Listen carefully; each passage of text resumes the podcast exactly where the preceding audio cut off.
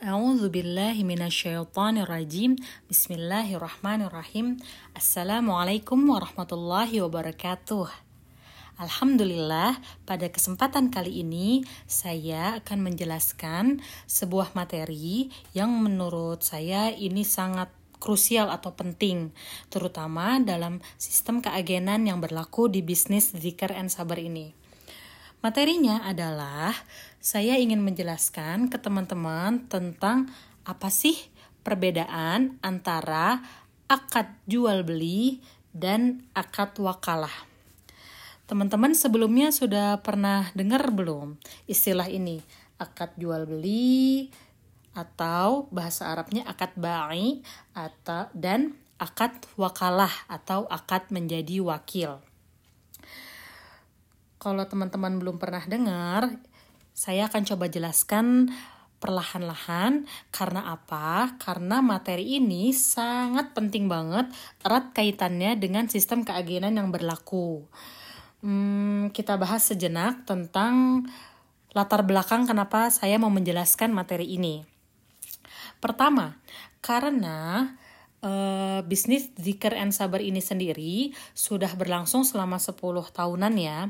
Dan pada saat sejak awal pertama kali saya membangunnya, di awal saya memang sempat kepikiran kan ingin membangun sistem keagenan atau jaringan. Dan saat itu jujur ilmu saya belum terlalu banyak. Maka pada saat saya membuat sistem keagenan di awal pertama kali saya bisnis, simpelnya saya hanya berpikir kira-kira nih brand yang ada yang mirip bukan yang mirip yang setipe dengan saya itu kira-kira mereka kalau bikin sistem keagenan kayak gimana ya? Nah, caranya saya cuma seperti itu aja.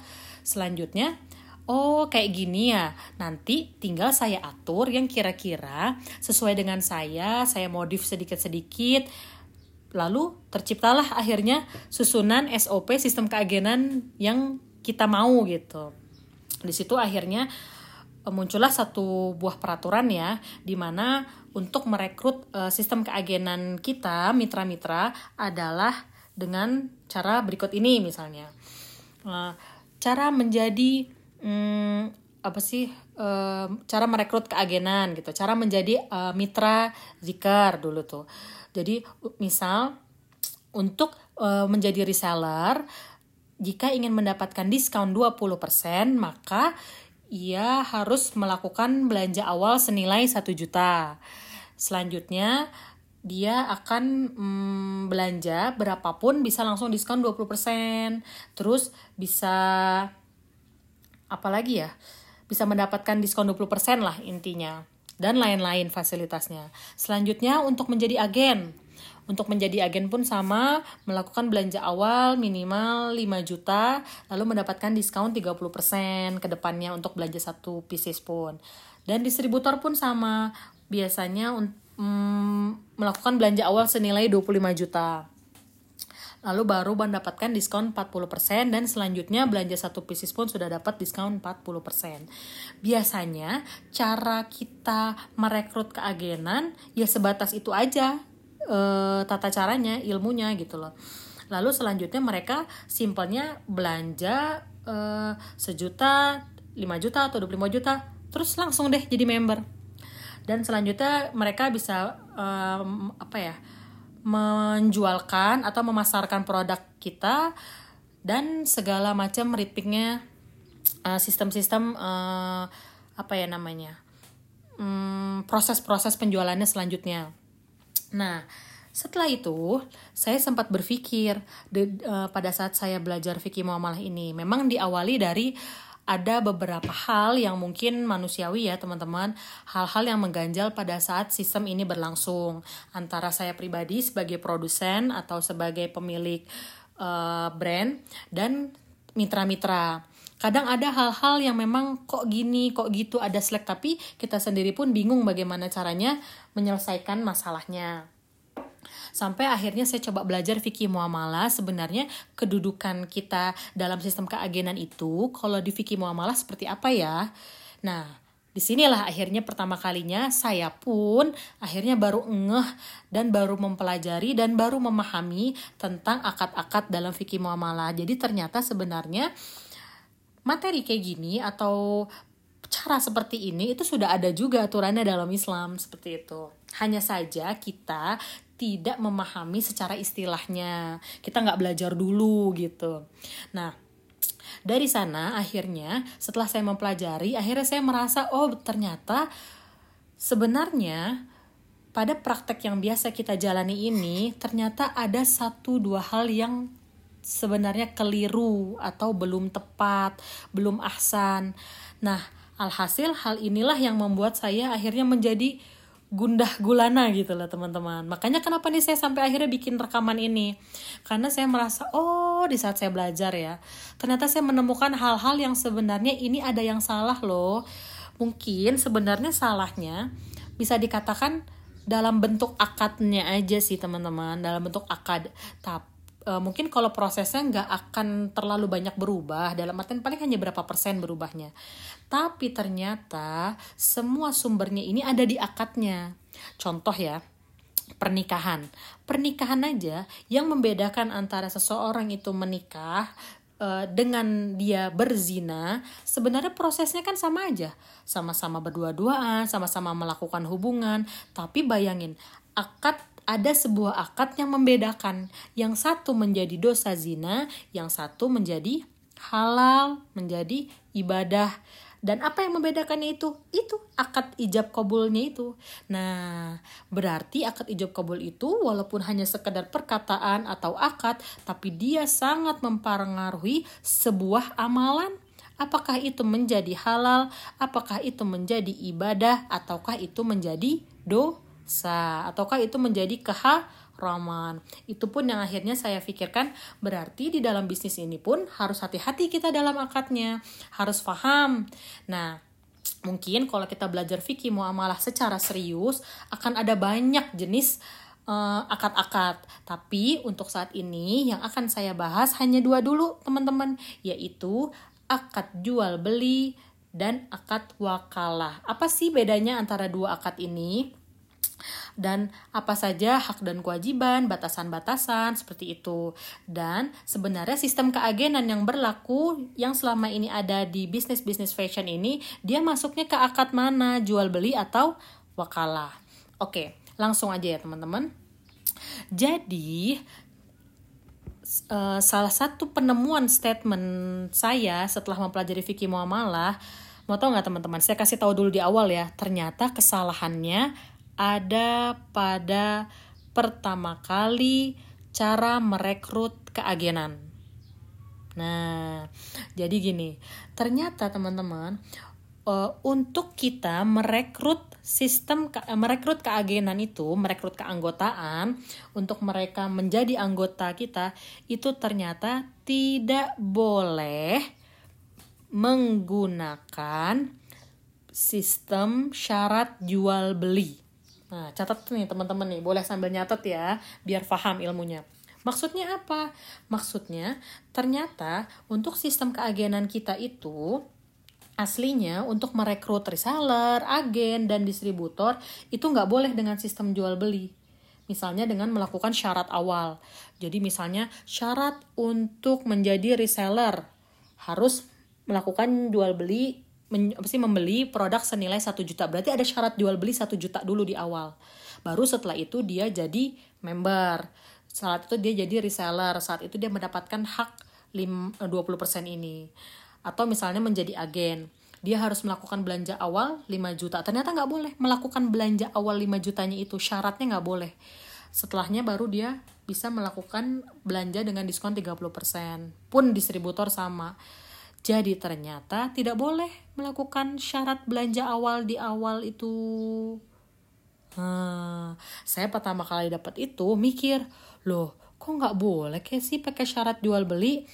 Karena bingung kalau misalnya kita nggak boleh pakai syarat jual beli, berarti gimana dong caranya supaya orang tersebut bisa menjadi reseller kita, bisa menjadi agen kita, atau bisa menjadi distributor kita kalau nggak pakai syarat jual beli masa nggak berarti cak gimana dong cara merekrutnya? Bingung nggak teman-teman?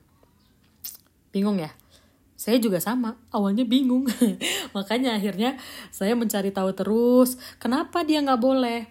Karena kalau kita bedah ya, ternyata akad yang ada di sistem keagenan kita itu akadnya wakil atau wakalah bukan akad jual beli.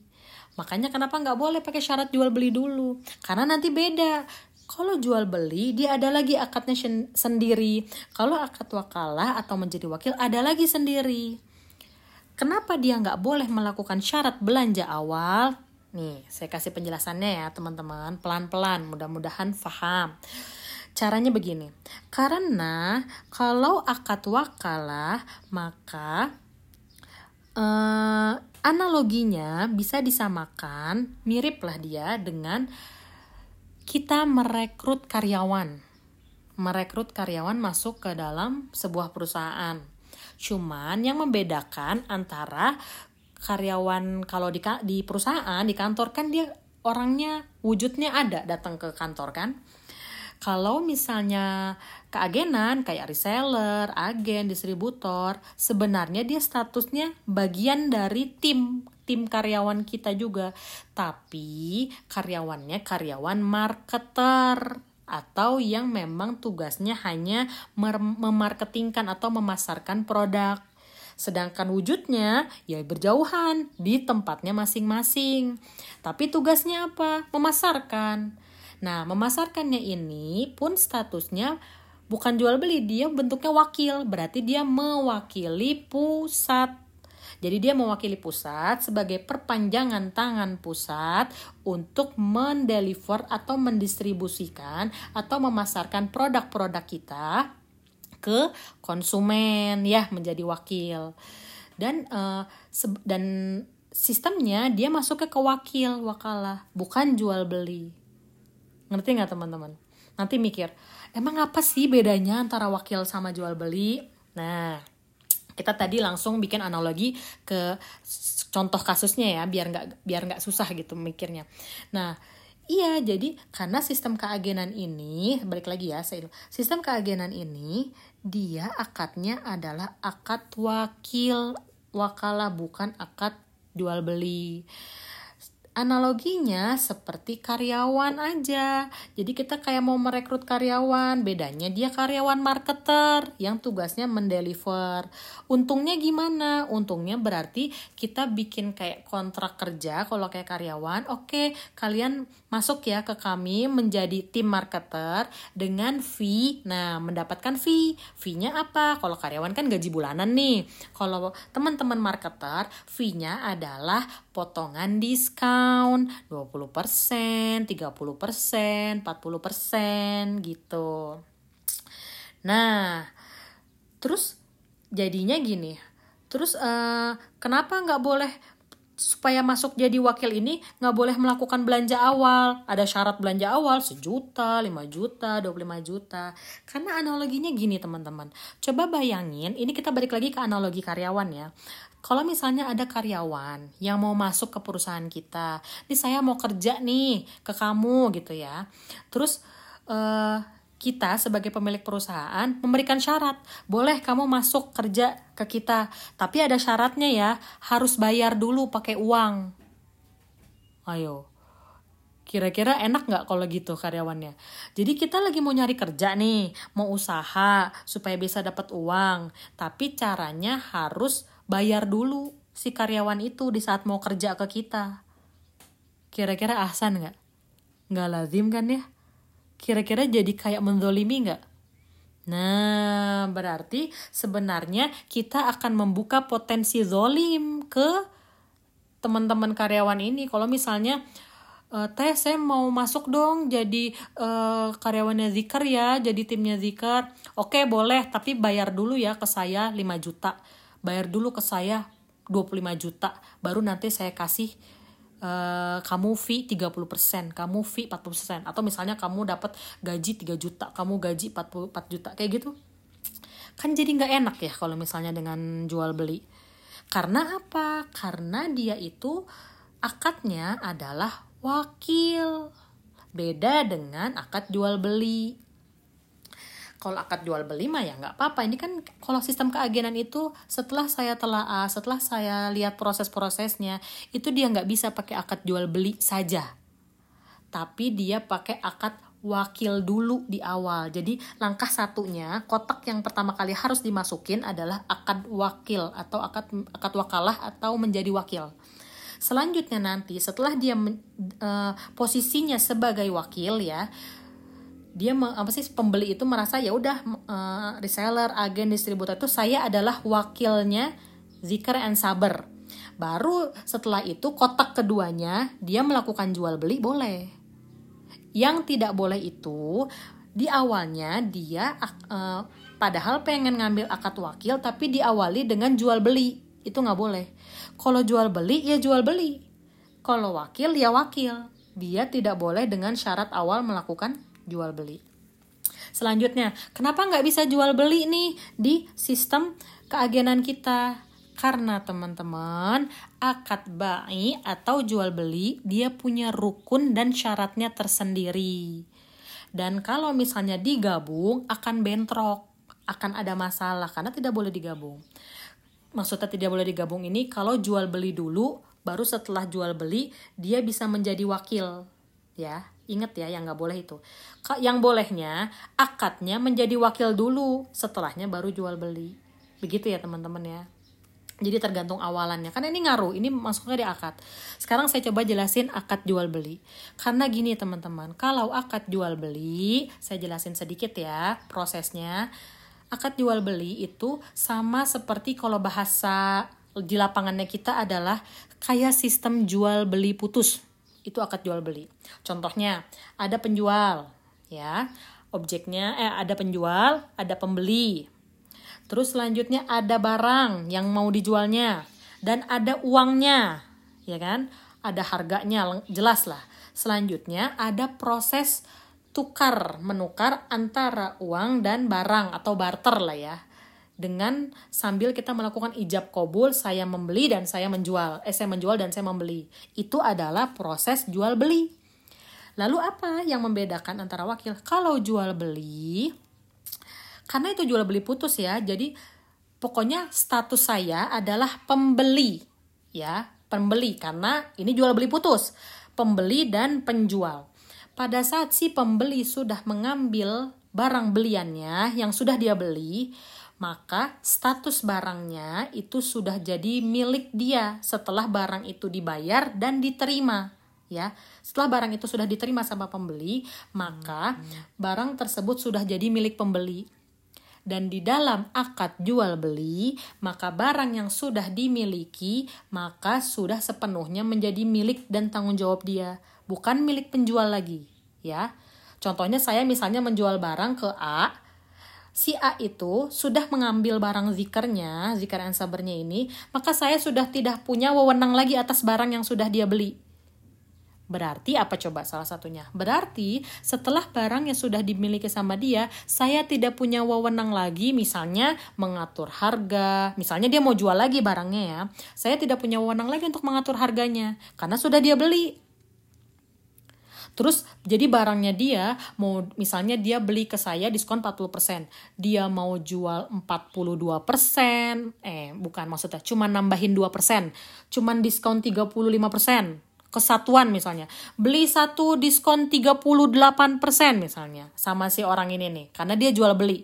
Kira-kira saya berhak menegur dia nggak? Enggak kenapa?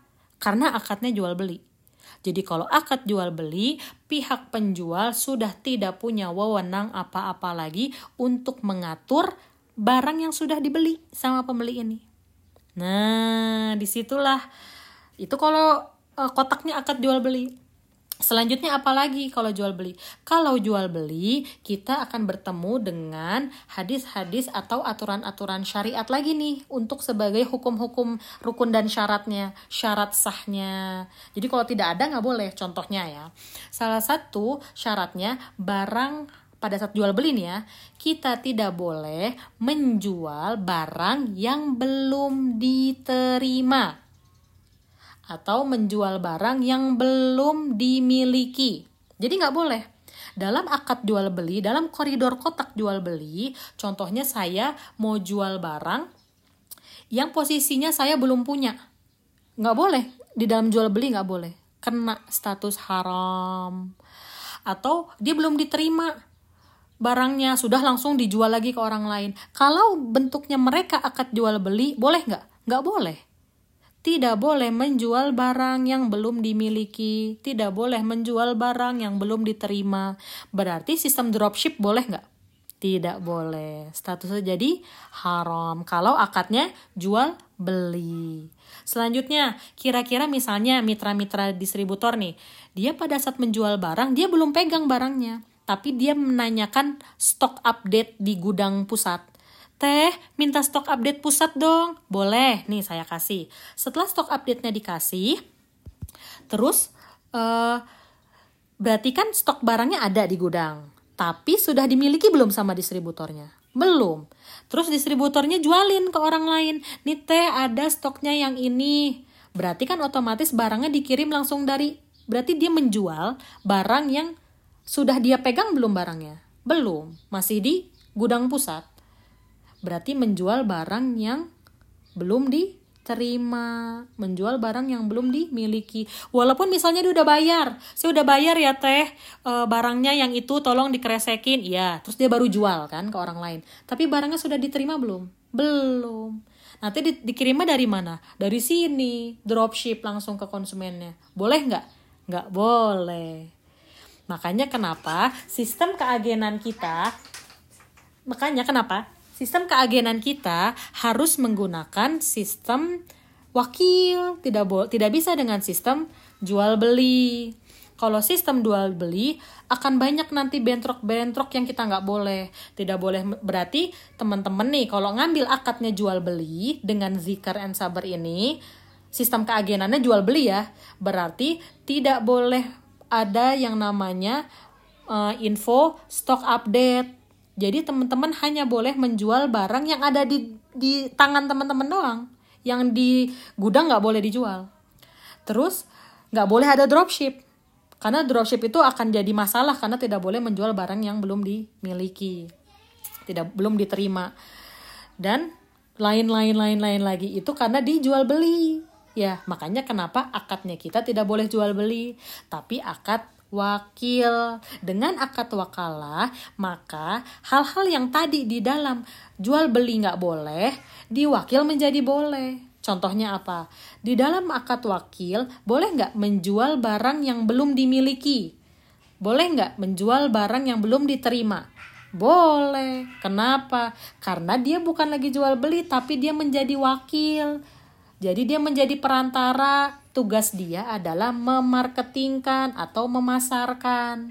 Jadi boleh dia menjadi bagian dari timnya Zikr and Sabar ini untuk memasarkan. Jadi dia cukup memasarkan barang yang memang milik pusat.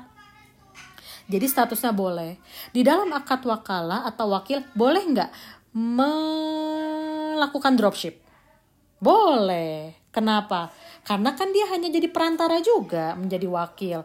Jadi urusan barangnya itu adalah milik pusat dan langsung ke konsumen. Dia hanya wakil. Nanti dia dapat untungnya apa? Fee. Dapat fee selisihnya. Pusat ngasih fee berapa ke dia selisihnya. Begitu teman-teman.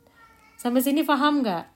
Nanti kalau ada yang nggak paham, bisa langsung hubungi saya secara pribadi ya, Syifa Urahma.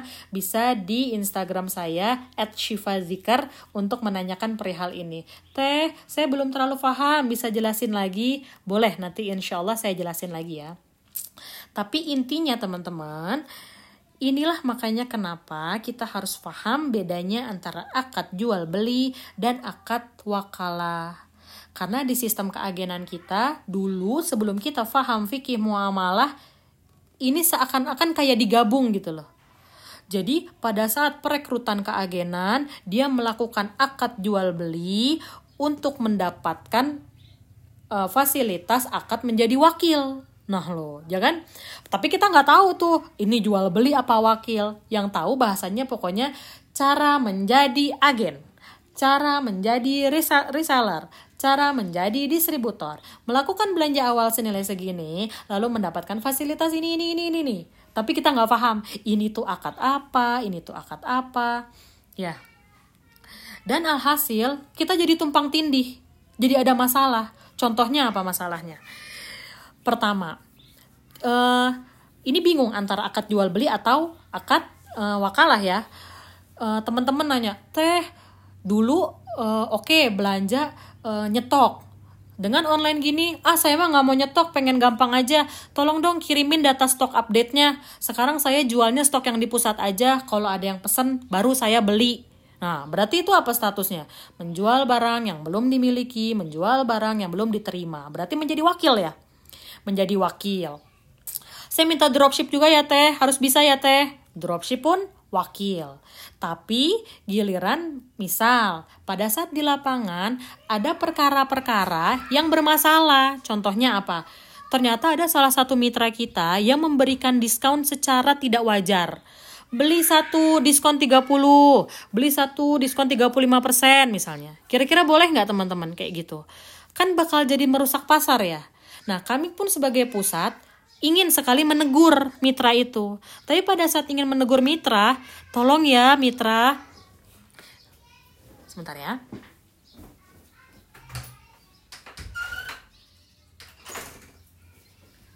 Misalnya begini, tolong ya mitra, uh, kayaknya kamu melakukan apa namanya jual belinya nih produk Zikar and Sabar kayaknya uh, ini deh melakukan pelanggaran misalnya uh, kok jual barangnya jauh di bawah harga pasar ya? Harusnya kan kalau retail gitu nggak boleh dong diskon 30% atau diskon 35% ya nggak? Kita pasti negur kan? Pada saat kita tegur nanti teman mitra ini jawabnya apa? Loh kok kamu ngatur-ngatur saya sih Kan saya udah beli barang kamu. Jadi terserah saya dong mau jual harga berapa. Itu kan udah bukan hak kamu lagi. Itu kan hak saya. Jadi terserah saya dong mau jual berapa. Kan sudah milik saya. Pada saat statement itu berlaku, berarti dia sedang menganggap kalau dia ada di akad apa? Jual beli. Bukan di akad menjadi wakil. Jadi masalah nggak? Jadi masalah. Saya pun jadi takut zolim kan ke teman-teman. Jadi makanya karena ketidakpahaman kita, karena tidak tahu duduk perkaranya kita, maka pada saat ada masalah di lapangan kita pun jadi sulit bertindaknya seperti apa. Ya. Contohnya, di saat sekarang kita nih namanya namanya pemilik brand. Jadi maksudnya kan saya ini bikin produk ini kan ada brandnya ada namanya gitu Zikr and Saber. Bukan produk yang tidak ada mereknya gitu. Kalau dia tidak ada mereknya lain lagi cerita. Mungkin saya bisa melakukan sistem semuanya saya bikin sistem jual beli aja. Contoh saya jualan di Tanah Abang ya dengan yang nggak ada brandnya harganya berapa. Itu saya bisa tuh pakai sistem jual beli.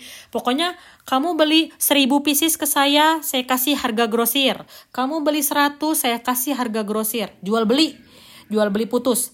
Selanjutnya teman-teman yang tadi beli mau jual berapapun saya tidak kasih harga jual. Terserah dia mau jual berapa harganya. Kalau tidak ada merek mungkin itu baik-baik aja. Tidak akan ribut di masyarakat di, di pasar ya. Tapi jika kita main brand ada namanya apalagi jelas kayak Zikr and Saber ini otomatis kan harga jual ada jelas. Kita ada diskon yang memang bertahap antara agen reseller kayak gitu-gitunya. Kalau ada pemain-pemain mitra nih uh, keagenan kita yang mainin harga di bawah otomatis kan bakal jadi masalah ya apalagi bentuknya terpublish. Kita belajar online nih kita uh, jualan sekarang online terutama di marketplace. Marketplace itu kan harganya itu terpublish betul-betul gitu. Di saat kita klik kaos zikr itu bakal di arrange sesuai dengan harga. Otomatis perang harga kan sekarang kalau kita menemukan ada akun-akun teman-teman mitra yang ternyata menjual harga jauh di bawah pasar, dia jual diskon 30% satu, satuan.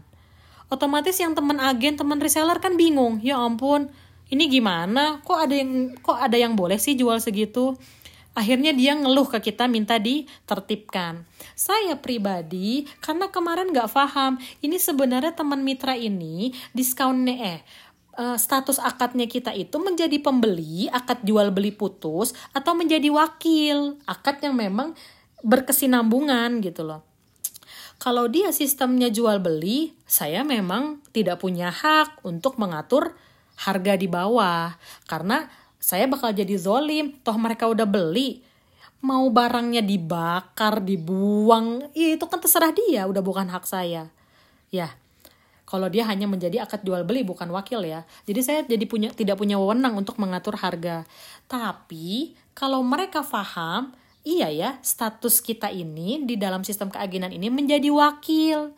Kalau menjadi wakil, karena bentuknya tim, masih ada terikatan, bukan jual beli putus, maka saya berhak me saya berhak melakukan uh, penertiban harga ini di masyarakat, di market. Dan pihak mitra pun dia akan legowo. Dia nggak akan merasa kan saya udah beli barangnya ya. Harusnya dia nggak aturin nggak ngatur lagi dong. Nggak nggak jadi nggak berpikir gitu gitu loh.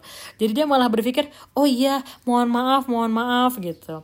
Karena memang saya wakil mohon maaf saya salah. Karena memang seharusnya penertiban apa sih harga itu ya harus dilakukan oleh perusahaan pusat bukan oleh saya gitu. Jadi akhirnya legowo gitu teman-teman. Jadi mudah-mudahan saya sedikit membahas perkenalan ya. Mungkin mengenalkan ke teman-teman tentang istilah apa sih bedanya jual beli dan wakalah ini gitu loh. Biar teman-teman paham sebenarnya proses jual beli itu yang seperti apa proses menjadi wakil itu yang seperti apa dan yang di kita lakukan nih sistem keagenan kita itu semuanya sistem wakalah atau wakil jadi ibaratnya kalau dia menjadi wakil akadnya nih kamu pada saat masuk menjadi mitra saya kamu wakil ya oh iya saya wakil di saat merasa diri saya wakil, maka nanti ada hak-hak dan kewajiban menjadi wakil. Terima jika diatur uh, sistem marketnya, harus terima juga jika ada hal-hal yang seperti apa. Karena bentuknya masih berbarengan gitu loh. Harus menjaga marwah atau uh, apa ya nama baik perusahaan. Karena menjadi wakil kan menjadi perwakilan gitu. Beda halnya dengan jual beli putus. Kalau jual beli putus tidak ada ikatan. Pokoknya udah selesai beli selesai. Nah gitu. Dengan menjadi wakil ini insya Allah mudah-mudahan ke depannya kita akan jauh lebih jelas lagi nanti secara akadnya.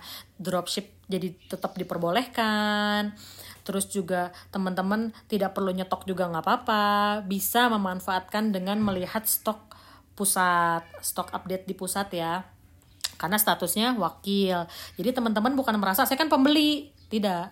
Saya wakil gitu. Karena kalau saya pembeli, mengakunya pembeli, ya tidak boleh dropship, tidak boleh menjual barang yang belum dimiliki, akan ada lagi nanti ya aturan-aturannya. Seperti itu ya teman-teman. Alhasil dengan dia paham untuk menjadi wakil, maka nah ini nih ada satu hal yang lumayan krusial lagi ya. Insya Allah akan saya bahas setelah ini. Kita istirahat sejenak sebentar ya.